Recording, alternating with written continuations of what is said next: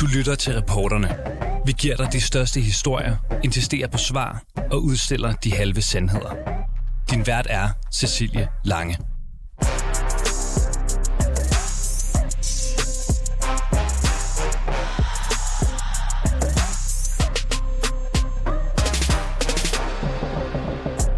Natten mellem den 23. og 24. januar sidste år, der bankede politiet pludselig på døren hos en mand fra København. Manden havde sammen med mindst to andre aften forinden brændt en dukke af, der forestillede Mette Frederiksen. Rundt om halsen så bar dukken et skilt med ordene, hun må og skal aflives. De bad ham følge med på stationen, men han sagde også, at det ikke var nødvendigt at pakke en taske, og derfor blev han også ret overrasket, da han måtte vente 14 timer i detentionen, og først under afhøringen fik at vide, at han var sigtet efter straffelovens paragraf 113 og 115, der handler om statskup. Straffen kan være fængsel i op til livstid. Ud fra min viden, så det er en helt normal procedure, at for eksempel forsvaret ved, hvem anmelderne er i den her sag her. Mm. Øh, og det er for eksempel igen helt normal procedure, men lige i det her scenarie her, der er det bare det helt, helt normalt, så derfor kan vi godt undlade den ting. Der er nogle ting, som virker sådan lidt mørklagte, ja. og igen også at huske tilbage fra min anholdelse, igen det her med, de kan ikke udtale sig om, hvad det hele går ud på. Der går så mange timer her.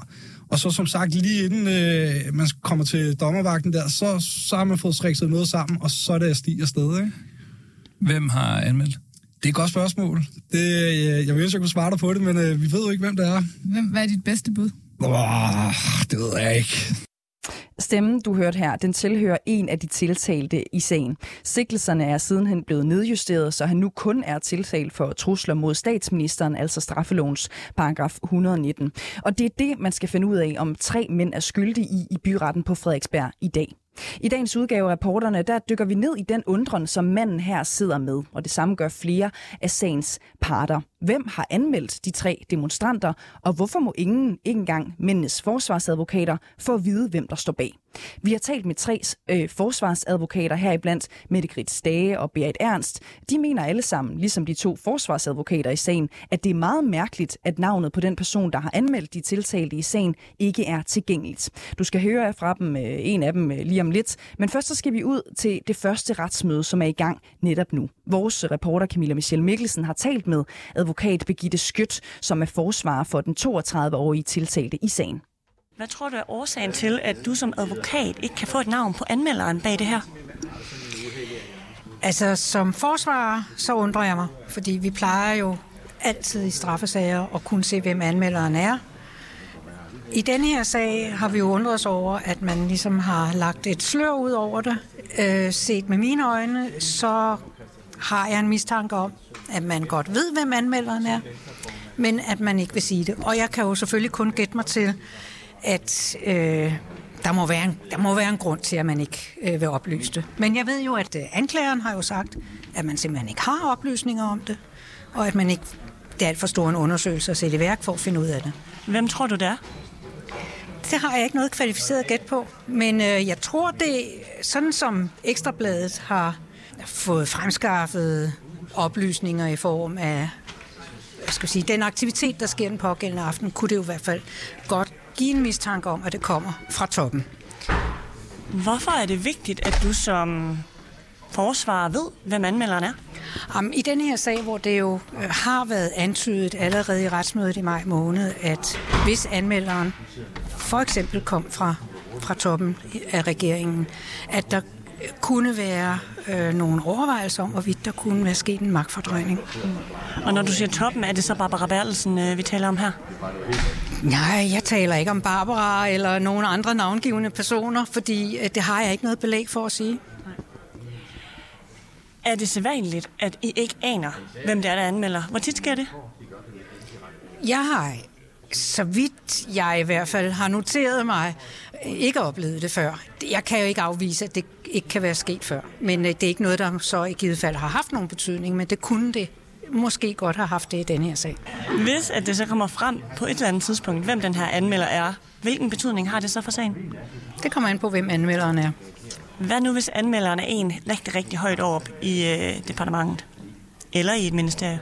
Ja, igen, det kommer an på, hvem det er. Lad os bare sige, at det er en inden for Justitsministeriet. Ja, men altså man kan sige, Øh, politiet henhører jo under Justitsministeriet, så hvis der er udgået noget fra Justitsministeriet, øh, så er det måske ikke så problematisk, som hvis det for eksempel kom fra Statsministeriet. Camilla Michelle Mikkelsen, vores reporter, talte også med hende, der hedder Nana Skov Høpfner, som var mødt op foran retten. Hun blev idømt 60 dage i øh, fængsel for at medvirke til gadeorden 9. Øh, januar sidste år. Det skete, fordi hun ved en Men in Black demonstration opfordrede alle de fremmødte til at, og jeg citerer, smadre byen på en ikke voldelig måde. En sag, som nogle af jer måske allerede har hørt om.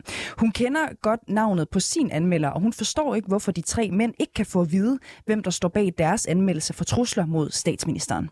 Jamen det synes jeg er fuldstændig grotesk, og jeg kan kun forestille mig, at anmeldelsen kommer rigtig højt oppe fra. Øhm, og jeg kunne forestille mig, at for, at for regeringen og for der, hvor jeg tror, anmeldelsen kommer fra, som er regeringen, det vil være et øh, ansigtstab for dem, at, at de stod frem og sagde, at vi har anmeldt det her som en trussel mod statsministeren, som et statskup, hvilket det tydeligvis ikke var. Og det er meget nemt at høre, når man følger retssagen herinde også, at anklageren han kører lidt rundt i nogle, i nogle små ting, for at prøve at tegne det her billede af de her mænd, som om, at de er voldsparate, og de har haft det her fortsæt for at og, hvad hedder det, true vores statsminister. Det er jo slet ikke det, der er, altså det er jo slet ikke det, der, der ligger til sag her. Der stod øh, på dukkens skilt, som havde et ansigt af Mette Frederiksen, øh, hun må og skal aflives. Er det en trussel, eller er det satire? Det er da helt klart satire. Øhm, det er jo ikke anderledes end dengang, der var en politiker for enhedslisten, der, der brændte en øh, Lars Lykke-dukke på et Sankt Hans bål. Mm. Der skete ikke noget. Foran retten stod også Vivian Anita Alexandro, som er sigtet for at have videredelt et billede af den brændende Mette Frederiksen dukke med skiltet, hun må og skal aflives. I dag er hun formand for partiet samfundssind, og så mener hun, at det er fuldstændig vanvittigt, at det ikke bliver meldt ud, hvem anmelderen er. Jeg ved, det var min venindes mor, der anmeldte øh, mit, mit billede, men det er sjovt, at der er nogle anmeldere, der bliver registreret og offentliggjort, mens andre ikke gør. Så jeg stiller spørgsmålstegn, om det er Mette Frederiksen selv, der har følt sig troet, og om der er noget, regeringen prøver at skjule. Synes du, det er mærkeligt, at vi ikke må få at vide, hvem der er, der står bag? Ja, jeg synes ikke bare, det er mærkeligt, men bundkorrupt. Og du siger, det kan jo være, det er Mette Frederiksen, der har følt sig troet. Var der grund til, at hun skulle føle sig troet den aften? Det er jo det, der er det store spørgsmål, om hun har nogen grund til at føle sig troet af den her generelle frihedsbevægelse, men, men en Black repræsenterer. På politisk vis, så har hun god grund til at føle sig troet. Og det er også derfor på bagsiden af min t-shirt, der står der foran, hun må og skal aflives, men på bagsiden står der på politisk og ikke voldelig vis. For jeg mener hverken den er fri, som blev sigtet med to års fængselsstraf for at sige, at hun ville smadre byen på ikke voldelig vis. Hun skulle heller ikke have været en politisk fanger i alt det her. Men jeg prøver igennem politik og gennem det, jeg kalder en kærlighedsrevolution, at skabe røre i den her samfundsdebat og bekæmpe ondskab med kærlighed. Hvem har lavet den her anmeldelse? Mette Frederiksen. Det tror jeg. Jeg tror også, Barbara Bertelsen har været med i det. Øh, jeg tror også, vi skal kigge på alle de ministre, der er blevet afskedet. Hvorfor de egentlig er, er blevet afskedet, og hvorfor dem, og hvorfor har Mette kun fået en næse? Har vi diktaturtilstanden i Danmark, vi ikke selv anerkender? Fordi hvis man virkelig kigger på det, så har hun ikke kendt grundloven godt nok til at vide, at hun ikke havde lovhjemmel til at skulle dræbe de her 17 millioner mink. Så hvordan kan en Hvordan kan vores statsminister, nu har jeg studeret grundloven utrolig meget efter min egen sigtelse, og hun burde læse op på, at ytringsfriheden er ukrænkelig, og overveje, hvordan, hvilke beslutninger hun har taget i coronahåndteringen. Synes du, at Mette Frederiksen burde tilkendegive, at det er hende, hvis det er hende? Hun burde sige undskyld til hele Danmark. Hun burde stilles for rigsretssag, og jeg må være helt ærlig på vegne af partiets samfundssind, så kæmper jeg for at komme ind i det danske folketing gennem vælgererklæringer, for netop at spørge hende ved talerstolen, om hun følte sig troet af, at jeg delte det billede. For hvis hun følte sig troet, hvis hun har haft medvirken i, at jeg skulle terrorsigtes for at dele et billede, så har ytringsfriheden og den generelle frihed i Danmark stor far for at forsvinde under hendes magtdømme. Er Mette Frederiksen farlig? Det mener jeg for den danske befolkning. Det værste ved det hele er, at min historie startede med, at jeg troede på hende. Jeg stiftede partiet Samfundssind netop for, at folk skulle gå med visir i stedet for masker, og at vi skulle prøve at isolere os så meget som muligt for, for at udrydde den her virus. Jeg mente, vi skulle isolere os i 14 dage og bare få, få skilt af med den. Men det er så på meget ulovligvis blev, øh, blev anholdt af politiet ved Rådhuspladsen i Aarhus, som man også kan se en video af. Jeg stillede op med partiets samfundssind i en enmands her, eller en enmandsdemonstration, op mod 50 øh, coronaskeptikere. Og så blev jeg anholdt, kom ud på en station, blev slået af en betjent, og så var der en i cellen ved siden af mig, der kunne forklare mig, hvor fascistisk et samfund vi lever i. Og så vågnede jeg op. Både fra øh, forsvarsadvokater og flere fremmødte, der lyder det altså, at de øh, mener, det er meget mærkeligt, at politiet ikke vil oplyse, hvem der står bag anmeldelsen mod tre demonstranter, der sidste år hængte en øh, dukke af statsminister Mette Frederiksen op i en lygtepæl under en Men in Black demonstration som protest mod coronarestriktionerne. Velkommen til dig, Berit Ernst. Ja, goddag du er forsvarsadvokat, men altså ikke direkte involveret i, i sagen, vi taler om øh, i dag. Berit Ernst, Helt kort, er det mærkeligt, at forsvarsadvokaterne i den her sag ikke kan få oplyst, hvem øh, anmelderen på sagen er? Altså normalt, når vi sidder med sager, og det er uanset hvilken type sag det er, så kan vi jo se, hvem anmelderen er.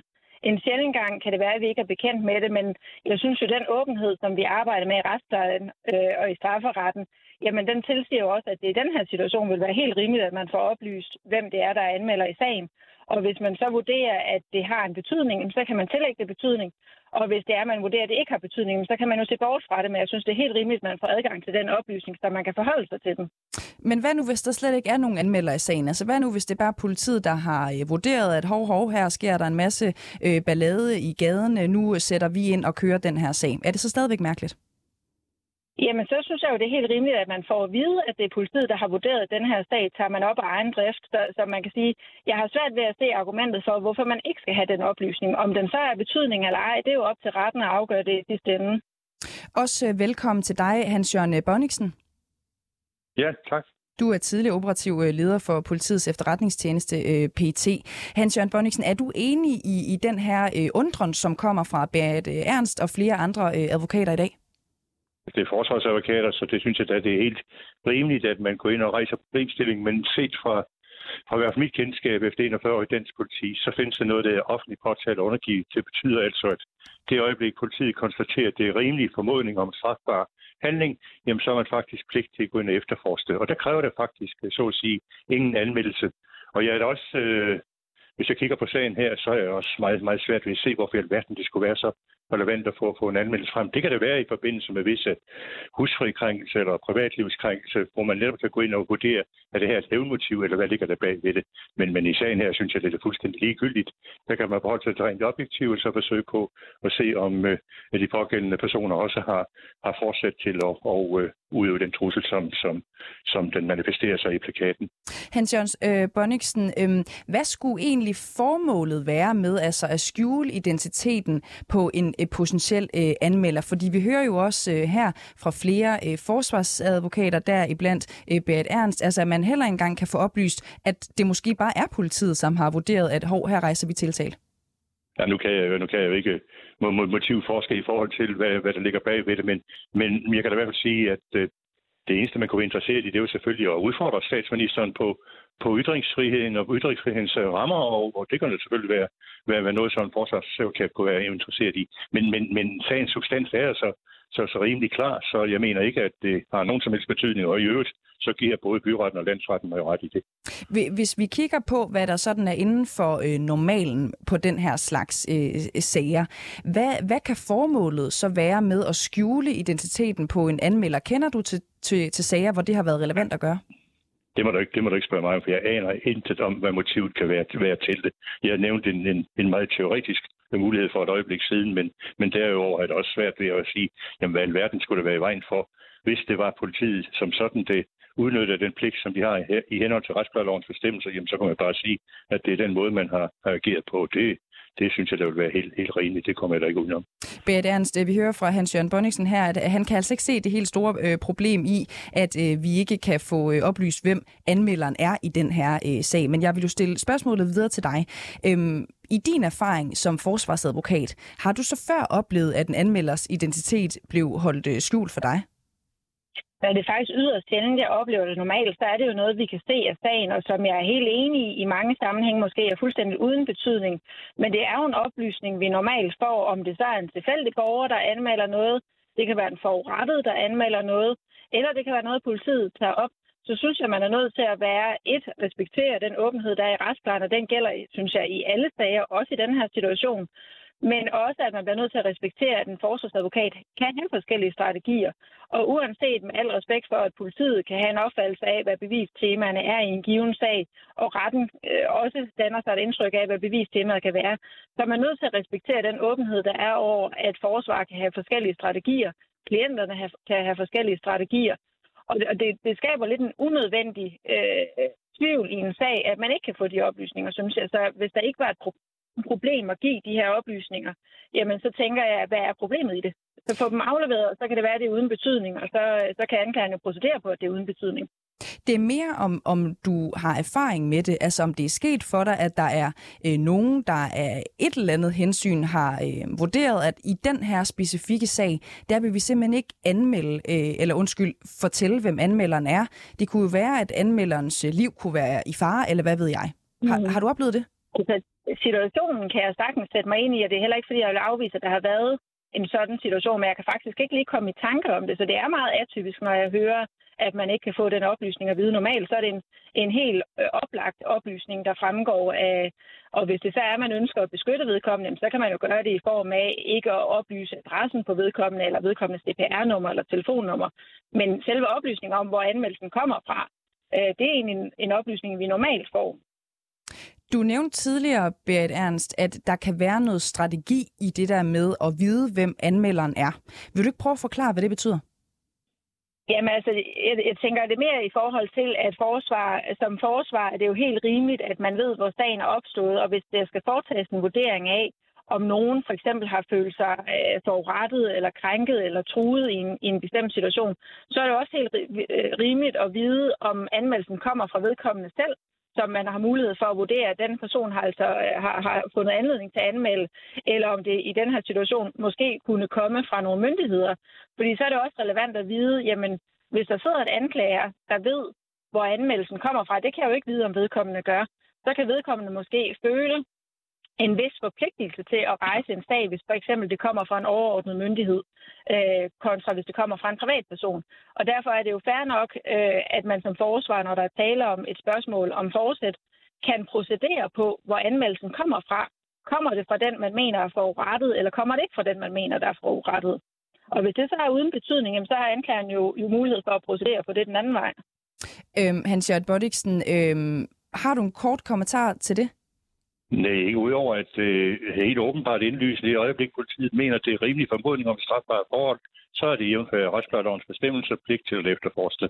Så er det selvfølgelig helt legitimt, at, at forsvarerne forsøger på at trække det frem, som kan tale til fordel for deres, deres, deres klienter. Der er der enige i, at åbenhed i retsplejeloven er der et, et, et, et helt gyldigt uh, øh, princip, som, som, som bør være gældende på alle mulige områder. Men, men, men stadigvæk, at hvis det henvender mig til den nøgterne vurdering af bestemmelsen omkring, hvornår politiet træder ind, så er det det, at det skal være rimelig formodning. Da vi talte sammen øh, kort, øh, Hans-Jørgen Bonniksen, øh, inden vi gik i studiet her i dag, øhm, der sagde du også det der med, at det jo godt kan være en god strategi, for eksempel for en forsvarsadvokat, at prøve at få det til at se ud som om, at der kunne være nogle højere magter i spil, for eksempel, og på en eller anden måde forvente en stemning. Vil du ikke lige prøve at forklare, hvad du mener med det?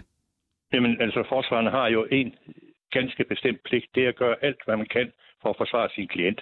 Og hvis man så kan inddrage nogle ting i sagen, som kan medvirke til, at man måske ser anderledes på det fra den vurdering, som domstolen skal nu ligge til side, jamen så er det helt legitimt.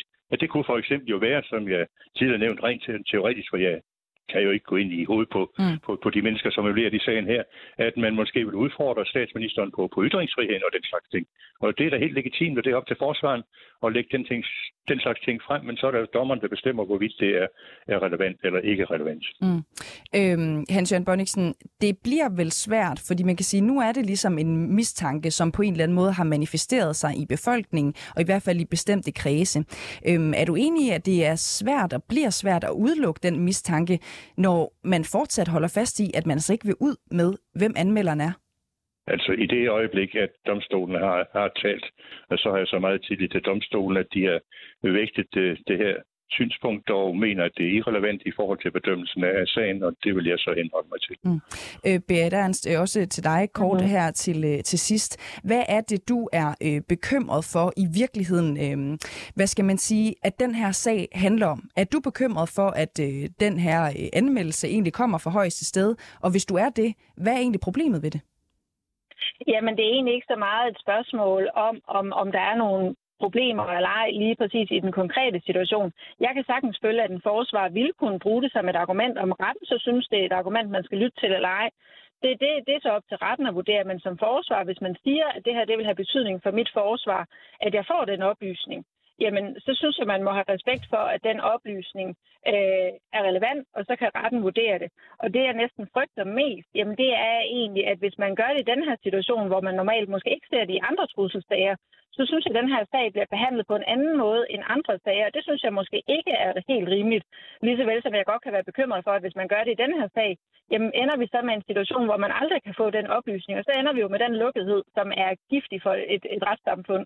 Hvad vil det betyde for dig for eksempel, hvis øh, du ikke havde den her mulighed, når du skulle ind og beskytte dine klienter? Jamen, det kommer jo helt an på, hvad for en sag jeg sidder med. Men lad os nu tage et tænkt eksempel, hvor at der er en, der ringer ind og, øh, og fortæller, at jeg er blevet truet af, af min nabo. Øh, men jeg vil ikke have, at, at naboen ved, at det er mig, der har anmeldt, og, og, øh, og, så det vil jeg gerne have, at I holder hemmeligt. Hvis det så viser sig, at de har en eller anden nabostrid, der går 30 år tilbage, så er det jo helt rimeligt, at den, der så bliver mistænkt i sagen, får at vide, at det er faktisk din nabo, der har anmeldt dig for det her. Fordi så kan vedkommende sige, det kan jeg sagtens forstå.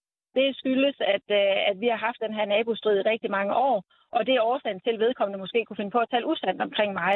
Men hvis der så er den her lukkethed, så, øh, så, så er der jo nogle oplysninger, vi ikke altid får frem, og måske nogle øh, hvad hedder det, lodder i vægtskålen, som, som retten ikke har med i deres vurdering. Og derfor synes jeg, det er helt rimeligt, at, at alle oplysninger, hvad end det er, at så skal, man, så skal man have en mulighed for at forsvare sig mod det. Beat øh, Ernst, øh, Beat Ernst, forsvarsadvokat, øh, tusind tak, fordi du var med øh, i dag, og det samme øh, til dig, Hans-Jørgen Bonniksen, altså tidligere operativ leder for politiets efterretningstjeneste PET, altså til at gøre os klogere på den her problematik. Også tusind tak til jer, som har lyttet med af den her udgave af reporterne. Du har lyttet til reporterne på 24 /7. Hvis du kunne lide programmet, så gå ind og tryk abonner hos din foretrukne podcast-tjeneste, eller lyt med live hver dag mellem 15 og 16 på 24 /7. Tips skal altså sendes til reporterne snablag 247.dk.